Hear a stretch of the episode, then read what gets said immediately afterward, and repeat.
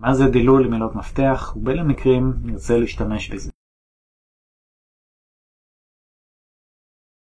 אז דילול מילות מפתח זה מסוג הדברים שאנחנו עושים רק לאחר שחטפנו, קיבלנו איזה כאפה מגוגל, ראינו ירידה בביצועים של הדף שלנו, ודברים כאלה, והרבה פעמים נרצה לבחון כמה פעמים הביטוי הספציפי שאנחנו רוצים לקדם מופיע בטקסט ביחס לשאר הטקסט. אם למשל יש לי עמוד שמדבר על שיווק באינטרנט, אני אכנס לעמוד הספציפי ואני אבדוק כמה פעמים המילה, הביטוי שיווק באינטרנט בצורה מדויקת, שיווק באינטרנט, בלי ב ו ותוספות, זה ממש הביטוי הזה בצורתו מדויקת, כמה פעמים הוא מופיע בטקסט, אבל זה הכל יחסי לכמה טקסט יש לי בדף. אז לא צריך לבדוק את זה ידנית, יש כלים שזה מה שהם עושים, זה נקרא Keyword Density, צפיפות מילות מפתח, והם פשוט נותנים לכם תשובה באחוזים, כמה מסך כל הטקסט שיש בעמוד, כמה אחוז מתוכו נמצא הביטוי המדויק הזה שאתם מחפשים, וגם עוד ביטויים נוספים. ובדרך כלל כלים כאלה גם יודעים להתריע לכם מה נחשב חריג, למשל מעל 2% זה יכול לראות קצת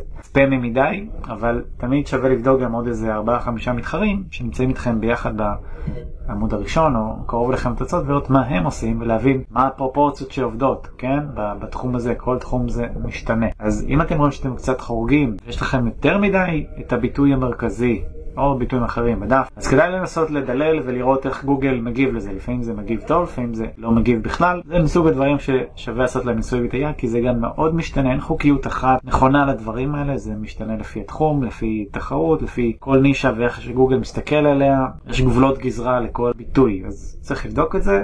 לנסות קצת, לחכות כאן ניסוי ובקרה מה שנקרא, אז שיהיה עם זה בהצלחה, יאללה ביי.